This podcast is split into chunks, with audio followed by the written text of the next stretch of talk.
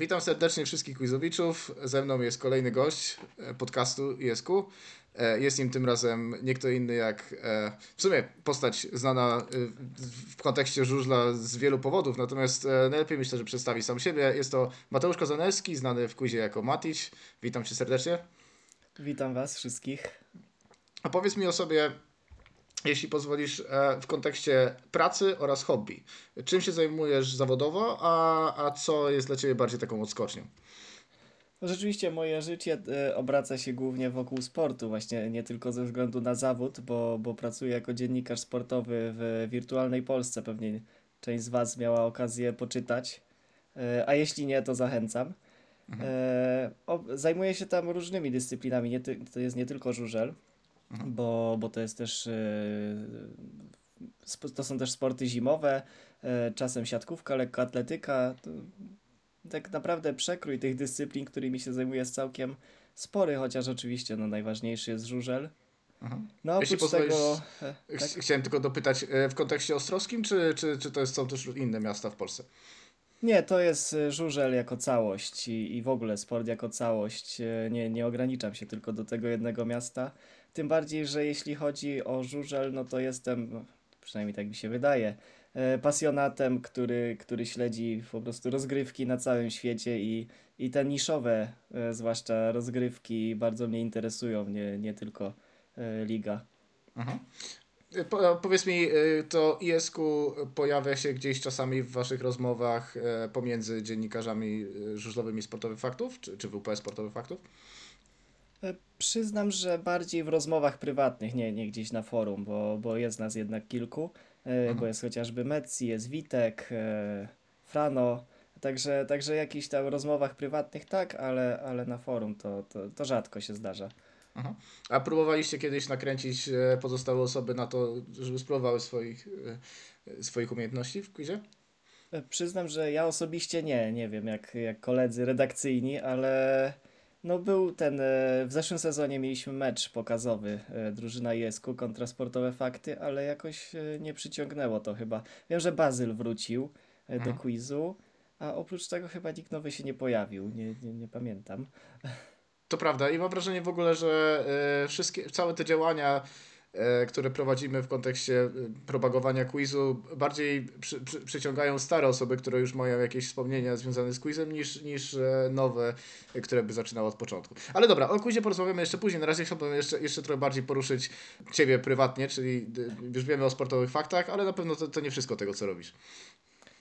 No zgadza się, bo oprócz tego jeżdżę jeszcze amatorsko na żużlu, jak pewnie też niektórzy z Was wiedzą.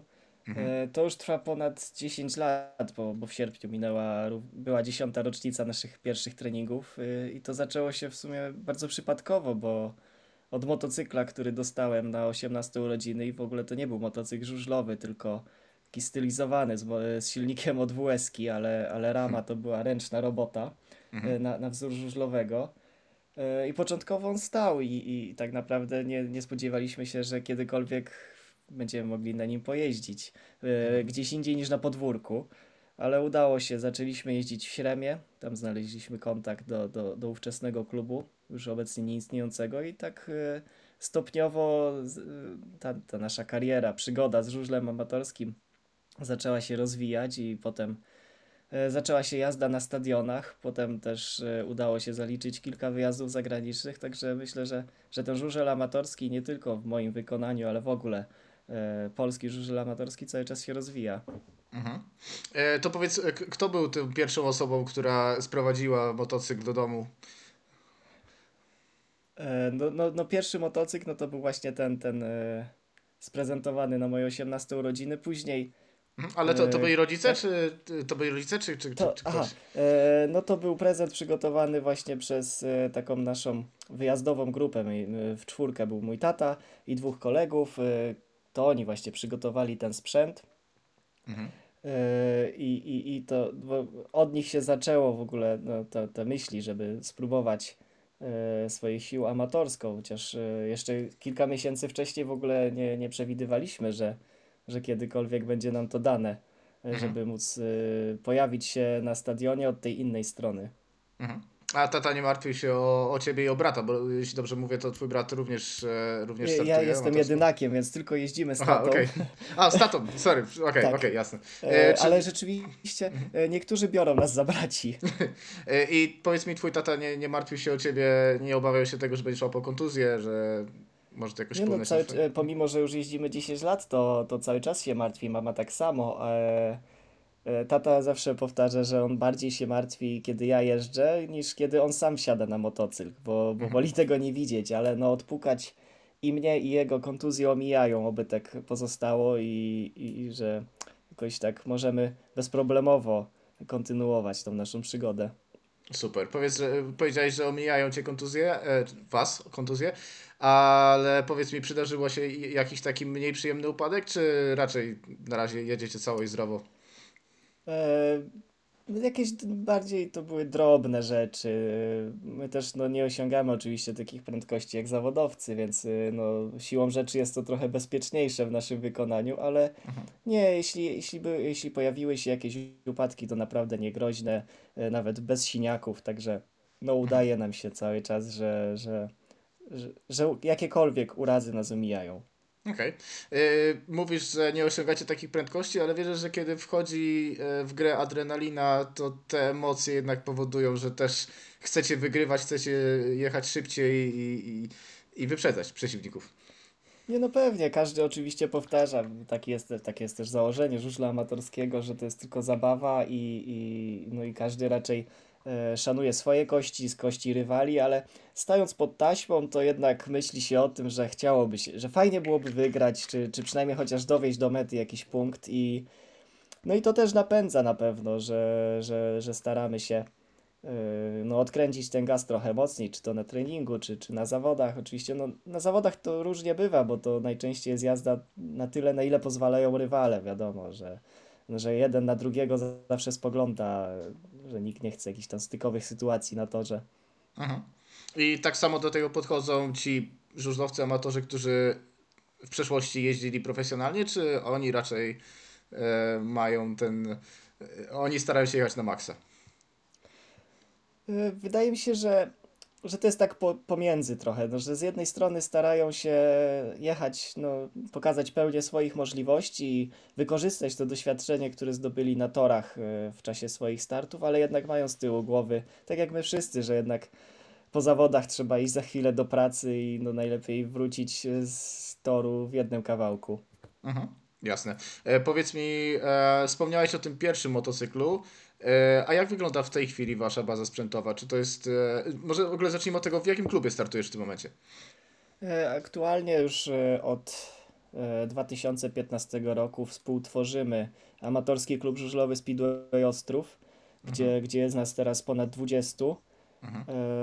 I ten park maszyn no, rzeczywiście zaczął się rozrastać, bo, bo najpierw kupiliśmy we trójkę właśnie z tatą i z jednym kolegą motocykl na spółkę, później e, pojawił się drugi motocykl, a obecnie mamy on, e, ten kolega Jarek ma dwa motocykle i my z tatą mamy dwa motocykle, ale najczęściej e, na treningi czy na zawody zabieramy po jednym, jednak żeby no nie generować dodatkowych kosztów, dodatkowego mycia, wiadomo, no to, to na, na naszą jazdę w zupełności wystarczy, jak się podzielimy motocyklem. Mhm. I z ciekawości, bo być może kiedyś będzie mi również dane zagościć na żużlu amatorskim, bardzo bym chciał, ale podejrzewam, że nie będę miał takiej okazji. E, jak, to wygląda? Jak wygląda sam, same zapisy? Jak wyglądają same zapisy e, do klubu żużlowego? Dla ama- amatorskiego oczywiście. E, No to wystarczy się zgłosić do, do, do klubu. e, Tam później e, osoba, która, która tam odpisuje na, na, na, skrzy, e, no, na Facebooku, najczęściej e, kieruje, jakie, jakie są wymogi, że no wiadomo, trzeba, trzeba wykupić e, każdego roku ubezpieczenie, e, trzeba też co roku odnawiać badania lekarskie. No najlepiej też mieć własny sprzęt, bo jednak kluby chyba poza Zieloną Górą y, nie praktykują wypożyczania sprzętu dla nowicjuszy, jednak no, no wszyscy, którzy wchodzą do, do świata żużla amatorskiego, jakiś chociaż podstawowy sprzęt posiadają, czy, czy, no, czy, czy kevlar, y, czy kask, no, no i wiadomo, motocykl, także no tak to wygląda. Mhm. A koszt takiego najbardziej podstawowego, oczywiście używanego, zakładam, e, motocykla to mniej więcej jaka kwota? No wiadomo, no, w większości, czy, czy pra- właściwie wszyscy jeździmy na, na sprzęcie używanym. E, taki najbardziej podstawowy, no to myślę, że to jest e, około 6-7 tysięcy e, złotych za, za kompletny motocykl. Mhm. I zgaduję, że oprócz tego dochodzą inne koszty w postaci wymiany opon, e, czy zużyte, zużytego sprzętu po prostu generalnie. No to prawda, wiadomo, że ten, ta eksploatacja sprzętu też wygląda inaczej niż w żużlu zawodowym, bo, bo na przykład my nie wymieniamy opon, po, nie, nie zmieniamy opony po każdym biegu, nie wiem, nie zużywamy też tyle tych części, więc e, no to też wszystko zależy od częstotliwości jazdy, ale no, no największy koszt jest na samym początku, kiedy jednak trzeba ten cały sprzęt skompletować. E, Wiadomo, no, no też e, się ubrać odpowiednio, zakupić wszystkie niezbędne ochraniacze, więc, e, więc ten koszt taki wejściowy jest, może, może niektórych też odstraszać, ale no później to, to, to nie jest też na, na tyle dużo, żeby to było nie do przeskoczenia. Mhm. To na ile razy starczy Wam taka jedna opona? No, e, my- Myślę, że tak, może cały trening spokojnie można objechać, a, a może nawet nieraz więcej. E, Bo też trzeba wziąć pod uwagę, no, że no, tak jak już mówiłem wcześniej, że te prędkości nie są e, tak duże, że, że ten sprzęt też się aż tak mocno nie zużywa. I, i, i to naprawdę, no, myślę, że, że na takiej jednej oponie można jeden, dwa treningi śmiało objechać i, i nic się nie dzieje. Mhm. A, a jak, jak długo zajęło Ci dojście do takiego pełnego ślizgu kontrolowanego, e, czyli po prostu satysfakcjonującej dla Ciebie prędkości przy pokonywaniu łuków? No tak naprawdę to, to jeszcze nie doszedłem do tego momentu, pomimo że jeżdżę 10 lat, to wiadomo, e, przynajmniej takie mam wrażenie, że, że te, e, ten progres jest, ale to i tak myślę, że każdy amator może tak powiedzieć, czy, czy prawie każdy, że jednak to jest cały czas nauka dla nas, bo, bo my raczej wszyscy uczymy się jeździć sami i że cały czas każdy stara się podnosić umiejętności, odkręcić ten gaz trochę mocniej, czy, czy spróbować wyłamać motocykl trochę wcześniej że to jest e, nieustająca nauka i to niezależnie, czy, czy jeździ się rok, dwa, czy dziesięć, tak jak w moim przypadku. Mhm. A podpatrujecie się nawzajem na treningach, na zasadzie y, le, sła, słabszy lepszego, y, jak tutaj inaczej wchodzić w łuk, albo gdzie odkręcić manetkę bardziej, czy to raczej jest po prostu pilnowanie swojej, swojego własnego progresu? Nie no, każdy, każdy raczej y, z tych, ten zawodnik mniej doświadczony raczej stara się podpatrywać tego bardziej doświadczonego, który, który jeździ trochę lepiej. Też y, można powiedzieć, że, że to, to środowisko amatorów jest, jest trochę jak rodzina, że tam raczej wiadomo, no, no zdarzają się jakieś nieporozumienia jak w każdej grupie, ale raczej każdy każdemu jest gotów pomóc czy podpowiedzieć, e, co zrobić, żeby było lepiej. Mhm. Y, Ciekawość nie pozwala mi nie zapytać o to, e, bo powiedziałeś, że ten sprzęt, którego używacie, jest, z, którego korzystacie, jest używany, prawda? Tak. E, czy kup, wykupiliście go od e, żużlowca profesjonalnego, czy to jest od innego motora? E, Przyznam, aż e, wstyd się przyznać właściwie, bo, bo ten e, motocykl, którym dysponujemy, e, to jest, ju- już ma kilka lat, jest w naszym garażu i on był w zasadzie składany, oddzielnie była kupiona rama, oddzielnie silnik, także nie chciałbym teraz skłamać. Wydaje mi się, że rama jest po Norbercie Krakowiaku, ale jeśli chodzi o silnik, to, to nie przypomnę sobie, ale to rzeczywiście jest po byłych zawodnikach. Mhm. Jasne. Czy po byłych, E, czy, czy po obecnych, nie? Oczywiście. Mhm. No, Krakowiak dalej startuje rzeczywiście. Tak, Eee, zgadza e, powiedz mi, e, jak wygląda przygotowanie, jeśli chodzi o e, powiedzmy parametry toru, czyli to, czy- czym Mhm. e, szprycuje nas telewizja, czyli nie wiem, dopasowanie zębatki, e, odpowiednie przełożenia, to robicie we własnym zakresie, czy macie jakiegoś mechanika, który wam trochę podpowiada? To znaczy tak, y, jakieś drobne rzeczy y, przy motocyklu jesteśmy w stanie zrobić sami, ale mamy takiego kolegę, y, który z nami jeździ, który też interesuje się mechaniką i on czasem sam proponuje, żeby dokonać jakichś zmian, chociaż na własnym przykładzie mogę powiedzieć, że ja akurat korzystam najczęściej z jednych ustawień po prostu wszędzie, bo No takie, takie akurat mi pasują i, i raczej sprawdzają się na większości torów, że gdyby już naprawdę coś nie pasowało, to wtedy wprowadzamy jakieś korekty, e, jeśli chodzi o zębatkę albo w górę, albo w dół.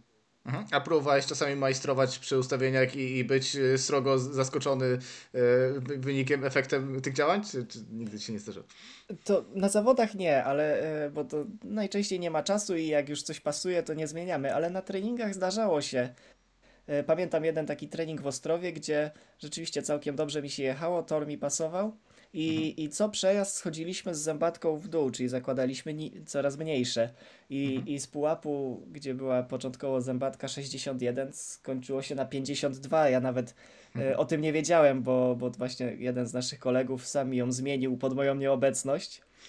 E, i, i rzeczywiście to pasowało, ale z reguły, tak jak mówiłem, to nie jest, nie, nie, nie ma jakiegoś rzucania, mieszania zębatkami, tylko jeśli coś pasuje, to tego się trzymamy.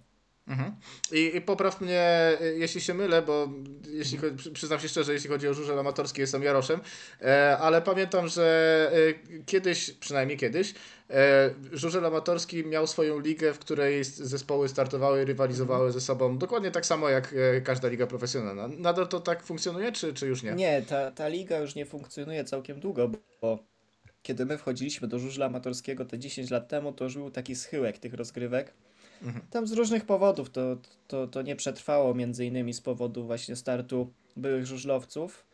E, obecnie to, to funkcjonuje tak, że, że, że organizowane są po prostu cykle zawodów, albo, e, albo kluby same organizują jakieś zawody, typu nie wiem, powiedzmy Mistrzostwa Gniezna. E, I, I staramy się też nie wchodzić sobie w paradę, więc jeśli są zawody w jednym mieście, no to już nie ma tego samego dnia w drugim, czy, czy na drugi dzień, e, żeby po prostu nie odbierać sobie zawodników, bo wiadomo, nie, nie ma nas, nas aż, ta, aż tak dużo, a są tacy, którzy chcieliby zaliczyć jednak jak najwięcej torów i, i spróbować swoich sił wszędzie. Oczywiście. A powiedz taki najdalszy wyjazd, e, nie, nie mówię o kibicowsko, tylko właśnie w- na startach na żużlu, to, to jaki tor? Który tor? E, No to było Shelbyville w Stanach Zjednoczonych. To, to taki chyba najdalszy wyjazd e, i trudno będzie to przebić. To było w zeszłym roku, w lutym. Okej, jak wspominasz sam tor? No niestety zawody się nie udały, bo ta, to jest tor, tor w hali i na co dzień odbywają się tam zawody jeździeckie i po prostu to były pierwsze też chyba albo drugie tam zawody, no i organizatorzy trochę przedobrzyli, wylali za dużo wody, która nie miała potem jak odparować, a po ubiciu e, toru zrobiła się plastelina, więc o wyłamywaniu motocykla w ogóle nie było mowy. Kilku zawodników też z czołówki, e, między innymi Max Rum, e, wycofali się w ogóle ze ścigania, bo, bo tor był naprawdę niebezpieczny, a, a tam bandy są jednak betonowe, e, obłożone tylko balotami. Wow. Więc, więc tak to wyglądało. No sam wyjazd no to była przygoda życia, nie da się ukryć i no jeśli, jeśli wszystko pójdzie zgodnie z planem, to jeszcze tam wrócimy. Max, e, jeśli dobrze pamiętam, to jest zawodnik e, absolutnie profesjonalny, także e, powiedz mi, jak to wyglądało? Wy mieliście startować gdzieś tam pomiędzy biegami, czy mieliście swoje osobne zawody? To żużel ten amerykański jest zbliżony zasadami właściwie do żużla amatorskiego w Polsce, bo tam obowiązuje podział na dywizje, że w dywizji pierwszej jeżdżą po prostu zawodowcy, potem w drugiej, trzeciej, no to, no to y, amatorzy powiedzmy. Chociaż tam nie ma, nie ma rozróżnienia na żużel amatorski i profesjonalny, po prostu wszyscy jeżdżą razem. Z tym, że z podziałem właśnie na te dywizje. Ja akurat startowałem w drugiej. No nie czułem się na siłach i nadal się nie czuję, żeby stanąć pod taśmą z amerykańską czołówką. Choć, e, choć jest to jakieś marzenie na pewno i może jeśli kiedyś pojawi się okazja, to, to nawet jeśli miałyby to być same zera, to spróbuję, ale, ale jeszcze nie teraz. E, a mój tata z kolei startował w dywizji trzeciej i udało mu się stanąć na najniższym stopniu podium po tym jak akurat w jego grupie ścigano się po pięciu, pomimo że tor miał niecałe 200 metrów. No i, no i on przeszedł akurat z piątego na trzecie miejsce, także wrócili, nie wróciliśmy do domu z pustymi rękoma. Mhm. A był przynajmniej szeroki, czy raczej też nie, nie, nie za bardzo? Nie, nie, to no raczej wąski, więc jak oni ustawili się w pięciu pod taśmą, to łokciami się stykali. Okej. To też szacunek za wyprzedzenie rywali. No, no to wyglądało tak, że trzeba było po prostu czekać na błędy rywali, bo, bo no, na, w tych warunkach było ciężko wyprzedzać naprawdę i w ogóle ciężko było samemu jechać, a, a, a co dopiero się ścigać. I jak rozumiem, jak najbliżej kredy, styl ala Marek Kućko. Zgadza się. No, ten, który pierwszy dojechał do krawężnika, jeszcze tak jako ciekawostkę dodam, że tam krawężnik wytyczony był z węża ogrodowego. O kurde. E, Także no, no jest to, ma to na pewno swój klimat y, niepowtarzalny. E, I rzeczywiście, kto dopadł do krawężnika i się go trzymał, no to, no to naj, naj, najczęściej dojeżdżał już na, tym, na tej pozycji. Mhm. Ale szukając pozytywów, przynajmniej poczułeś, kiedy już przejechałeś dwoma kołami kredę, nie? Jakby myślę, że. To prawda, było no, jeśli jak już koło dotknęło krawężnika, no to było, było to czuć. A powiedz mi, myślałeś kiedyś o tym, żeby e, spróbować żużla również w wersji profesjonalnej? E, Przyznam, że nie, że, że nawet jako mały chłopiec, e, który zaczął chodzić na żużel, nigdy mi to nie przeszło przez głowę. Jakoś e, nigdy, nigdy nie, nie czułem takiej potrzeby, żeby spróbować. E, Nigdy to nie, nie było jakimś moim marzeniem. A kiedy pojawiła się możliwość spróbowania w wersji tej amatorskiej, no to, no to skorzystałem z tej okazji. I, I przyznam, że nie żałuję, że, że podejrzewam, że nie byłbym zbyt e, dobrym e, zawodnikiem jako, jako profesjonalista i pewnie zakończyłbym karierę po wieku juniorskim, a tutaj jednak w żużlu amatorskim ta granica wieku jest no, znacznie przesunięta, bo jestem raczej jednym z młodszych zawodników, bo, bo najstarszy w naszej drużynie już skończył 60 lat i, i, i jak sam powtarza, jest dopiero na początku swojej przygody. Więc, Optymista. więc, ten, więc ten żużel amatorski jest y, myślę, że takim optymalnym rozwiązaniem. Jasne. E, a powiedz mi, ile, ile daje ci e, uprawianie żużla amatorskiego w kontekście dziennikarstwa żużlowego? No przyznam, że mogłem e, poznać żużel właściwie z każdej strony, bo, bo od tej kibicowskiej, od, od właśnie od dziennikarskiej i od powiedzmy w cudzysłowie zawodniczej. E, Na pewno jazda sa, samemu spróbowanie daje zupełnie inny pogląd na żużel, że łatwiej zrozumieć pewne decyzje zawodników e, na torze na przykład, że, że wielu kibiców na przykład ma pretensje do zawodnika, czemu pojechał tak, a nie inaczej. E, Po tym, jak się samemu spróbuje, to zmienia się to podejście. Wie, wielu, wielu z nas to powtarza, że już nie krzyczą na zawodników, jak, jak już sami spróbowali. Mm. I myślę, że też e, dużo łatwiej jest ci zadać odpowiednie pytanie do e, sytuacji, bo też jesteś podejrzewam w stanie zrozumieć e, odczucie zawodnika, uczu, uczucie zawodnika w danym momencie.